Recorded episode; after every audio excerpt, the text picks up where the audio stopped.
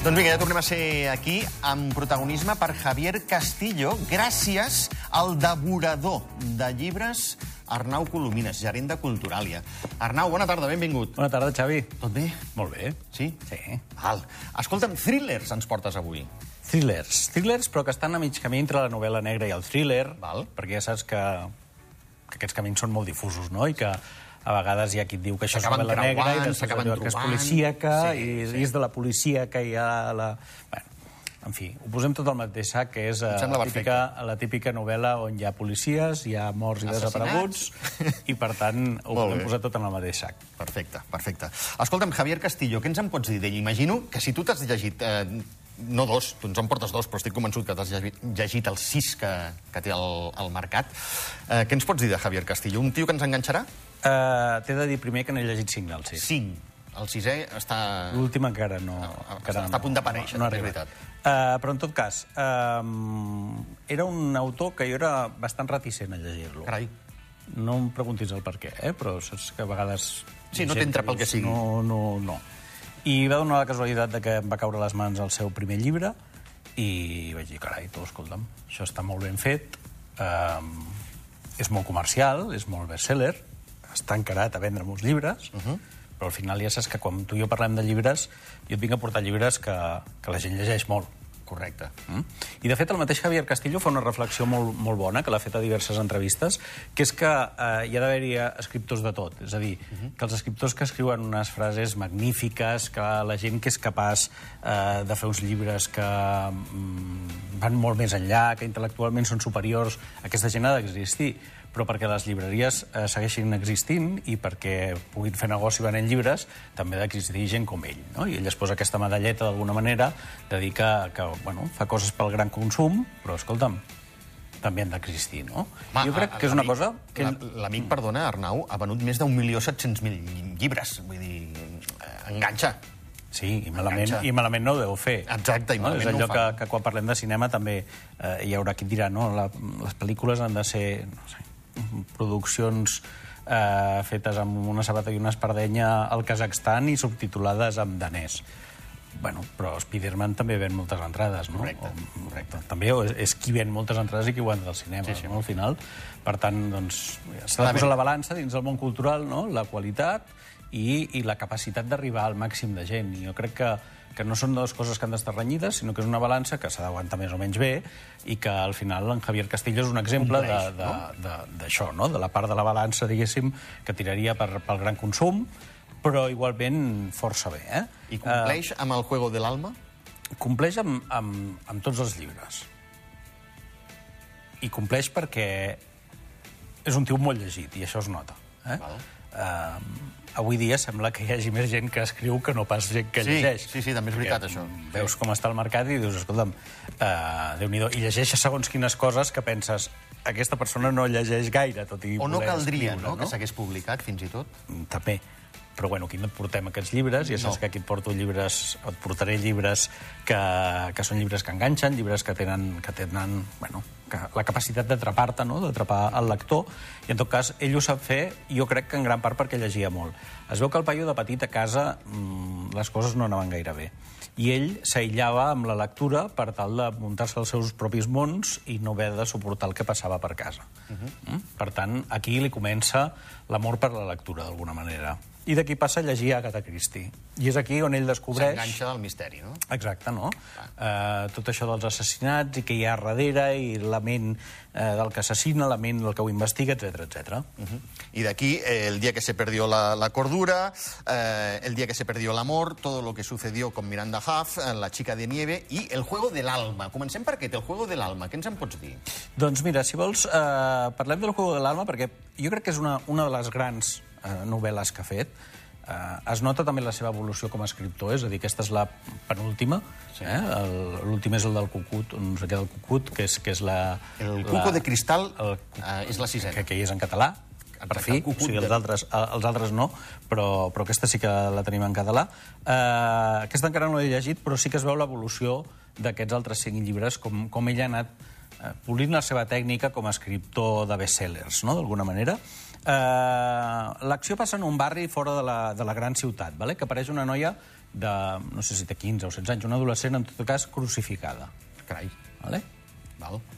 En aquest moment, sí, sí, una Val. mica gore. En aquest moment, doncs, hi ha, hi ha una, una reputada periodista eh, de Manhattan, la Miranda Trix, que eh, rep una fotografia, una Sí, Polaroid, perdona, Arnau, tot això sot, eh, testimoni a la ciutat de Nova York, eh? El que ens estàs dient. Perfecte, Exacte. val?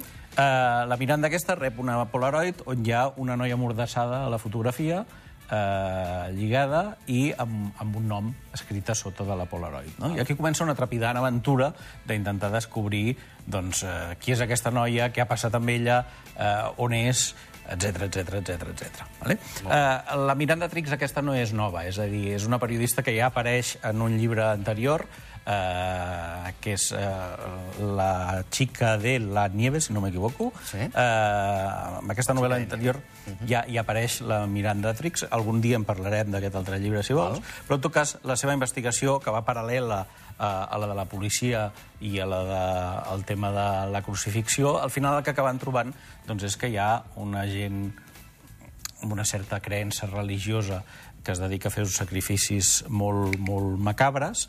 Eh, I, bueno, mm, això ho fa voltada del seu antic professor, que és el seu mecenes, que és eh, qui l'ha ajudat, i, i tot plegat al final es desenvolupa una història entre eh, les vivències d'aquesta dona quan era jove, la història d'amor amb el professor, eh, i tot Thriller això que investiguen... tot. Sí, sí, sí, o sigui, Carai. hi ha molts ingredients. I al final és um, tots els tempos molt ben trobats, és a dir, passa el que ha de passar quan toca que hagi de passar, i això crec que és clau en una novel·la, és a dir, no allarga més del compte coses que no cal, ni escurça més del compte coses que eh, doncs, tens ganes de llegir-ne més, no? Uh -huh. eh, per tant, els tempos estan molt ben estructurats, els personatges també. Al final, els personatges són, són la clau eh, d'una novel·la la i estan, sí, estan molt ben traçats, estan molt ben filats, o sigui, Val. mm, com si fossin personatges de debò que ell es dedica a escriure sobre ells. Eh? Vull dir que en el seu cap aquests personatges tenen, tenen molt de cos i estan molt ben fets. Eh?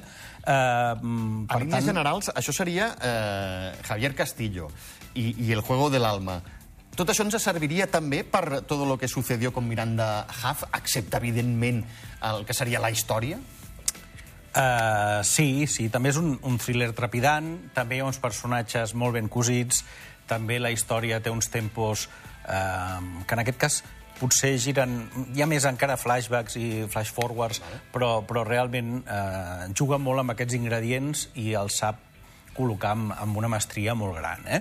En tot cas, el Todo lo que sucedió con la Miranda Huff, eh, la història va d'una parella que decideix que estan en crisi romàntica, diguéssim, no funciona bé el matrimoni, i decideixen anar a passar un parell de dies en una cabana perduda al bosc. Eh, I van per separat, i quan l'home arriba, la dona no hi és, hi ha un parell de copes sobre la taula i el bany ple de sang. Ostres, déu nhi La dona no hi és, per tant, a partir d'aquí comença una investigació sobre on és la dona. I com en aquests casos sempre passa, qui és el primer objectiu de la policia per veure on és la dona? El mateix marit, que ha de fer mans i mànigues per demostrar doncs, que ell és innocent. Mm? I això, a més a més, s'encavalca amb una història del seu antic professor, eh, un cineasta molt reputat que, bueno, que es va desgranant una miqueta la seva vida i es descobreix com va aconseguir l'èxit d'una manera una miqueta fosca, etc etc. Uh, si l'altre era un thriller, el juego de l'alma, eh? un thriller romàntic, podríem dir, aquest és un thriller psicològic? Sí, sí, sens dubte. L'altre també és bastant psicològic, eh? però, però aquest, aquest sense cap mena de dubte. Uh, aquest, les morts, diguéssim, són lo de menys, per dir-ho d'alguna manera. No, no, no, no és escabrós, no va al detall de la mort, uh, sinó que el que busca és doncs, aquesta psicologia dels personatges, uh, personatges que semblen molt bons i que potser no ho són tant o no ho han sigut tant a la vida, i també aquestes contradiccions internes de cadascú de, bueno, hi ha vegades que fas coses creient que és el millor però pots estar fent la murga a algú altre, no? Va ser el llibre més venut per Sant Jordi i ara s'ha traduït a, al castellà aquest èxit. 100 coses que saber de Andorra. Les 100 coses se les sap l'Arnau, perquè està escrit Arnau a quatre mans. Sí, Sí, sí, sí. I avui es Eh, presenta en castellà. Exacte. En català és el 100 coses que has de saber sobre Andorra. Correcte. En castellà el 100 coses que saber de Andorra. I, I avui fem la presentació, entre cometes, una miqueta més oficial de- d'aquesta traducció. I es fa eh, a l'ambaixada espanyola perquè, clar, vull dir, al final, si és un llibre traduït al castellà i s'ha de presentar a Andorra, doncs s'ha d'anar al lloc on sí que parla en castellà, no? que és, que és l'ambaixada espanyola. Exacte. I, per tant, farem, farem en allà. A les 7 de la tarda, eh, la cita. Uh -huh. 7 de la tarda. Eh, què els hi podem dir a la gent? Jo crec que és que va ser el, més venut eh, per, per Sant Jordi. L'heu col·locat a tot arreu. Podem dir alguna cosa més d'aquest eh, 100 coses? Home, 100 se'n poden, dir, se'n poden dir 100 de coses diferents, eh? Per tant, podem triar la que vulguis. Però al final són anècdotes, són vivències, són coses que, passen, que han passat i, i, i que són la síntesi del que és Andorra. Una miqueta com a l'entrevista anterior que parlàveu doncs, de descobrir Andorra d'una manera diferent amb visites guiades. Doncs això no és una visita guiada, sinó que és una visita històrica, econòmica, social, cultural, lingüística del nostre país, no? amb tot d'inputs diferents explicant què és Andorra i per què és tan peculiar. No només a gent de fora, sinó també moltes coses explicades a, a la mateixa gent d'aquí que o no les sabem o les hem oblidat o sempre va bé refrescar-les. Eh, em diràs que, que exagero, però queden pocs racons ja per presentar el 100 coses. Ara el 100 coses eh, també es Sí, preveu que sigui una darrere l'altra. No, no ho sé, no ho sé, però clar, ens ha portat... Aquest llibre ja ens ha portat a fer diverses presentacions, lògicament, a Andorra, però a fer-ne a Madrid, a fer-ne a Barcelona, a fer-ne a Praga, que per nosaltres va ser molt xulo. Doncs mira, ara toca fer-ho a, a l'ambaixada espanyola. Arnau Colomines, gerent de Culturalia, moltíssimes gràcies. A tu, Xavi. Ens veiem a les 7 a l'ambaixada d'Espanya. Recordeu, les 7 de la tarda, presentació del llibre escrit a quatre mans entre l'Arnau Colomines i la Maria Cucurull. Nosaltres arribem a, a la fi, esperant i desitjant que us ho hagueu passat eh, bé, que hagueu fet aquest tour amb la Maria Lucena, al bosc de Canòlic. L'altre tour, tant a Andorra, Escaldes, com visita nocturna, com els cirerers. Quins cirerers més macos que tenim, japonesos. Al costat del Charlie Bosch, i, evidentment, eh, amb en Josep Tomàs i les seves curiositats i la climatologia del Vicent Sureda. Quantes coses, mare de Déu! Tantes coses que me'n vaig a rumiar abans d'entrar la segona hora del programa a Ràdio Nacional. Ens veiem, ens escoltem ara mateix. Fins ara!